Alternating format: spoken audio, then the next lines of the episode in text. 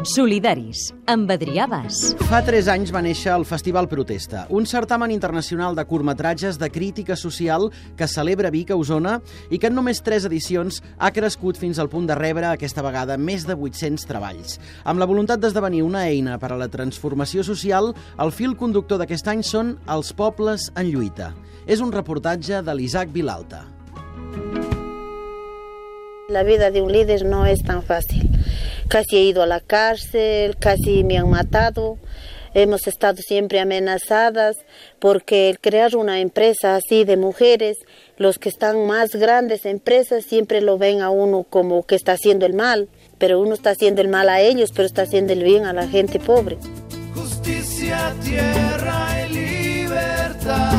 Ecuador con los ojos cerrados és un dels 12 curtmetratges finalistes del tercer Festival Protesta. La primera edició del certamen va ser de només un dia. El segon any, el Protesta va decidir-se per la desobediència civil com a eix central. El leitmotiv d'aquest any guarda un espai privilegiat per a lluites diverses com les dels pobles de Palestina, el Kurdistan, Síria, el Tibet, el Sàhara, els pobles indígenes de Llatinoamèrica. Neix perquè nosaltres som uns amants del cine, en general, i tots dins el que cap som una mica activistes en diferents camps. És Àngela Margant, organitzador del festival. La cosa que ens diferencia o que volem que ens diferenciï és que nosaltres volem treballar directament per la transformació social. O sigui, no només projectar, sinó que a més a més volem incidir a la societat, involucrar-nos... He aixecat les mans, he vist cridar les places de mig món, tremolar la trona dels senyors. L'esperit crític del protesta es plasma en l'argumentari dels 12 treballs finalistes de la secció oficial. El periodista Josep Comajoan és un dels membres del jurat. Hi ha una certa apel·lació implícita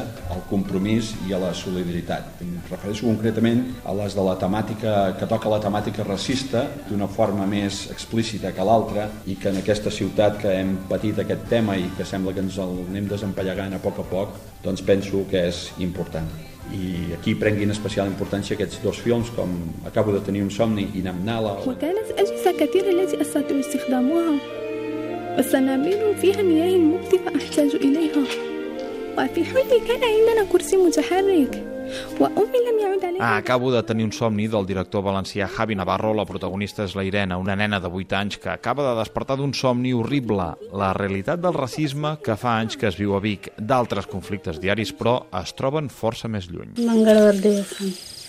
Sursivatat पूर्ण बताइंदर पराठेने उसा hi ha un que es diu Cotton Dreams, que és una coproducció de Polònia i de la Índia. És molt cinematogràfic però més parla d'una temàtica d'una forma molt poètica més, que és que arrel dels monocultius que s'han creat a la Índia, sobretot per culpa de Monsanto, han hagut de demanar crèdits molt alts als, als pagesos i no els poden tornar perquè aquests cultius no han sigut lo suficientment productius com havien de ser i realment hi ha milers i milers i milers de suïcidis cada any, no perquè la persona es vulgui suïcidar, en veritat, no? sinó perquè si ell se suïcida, doncs així queda el crèdit net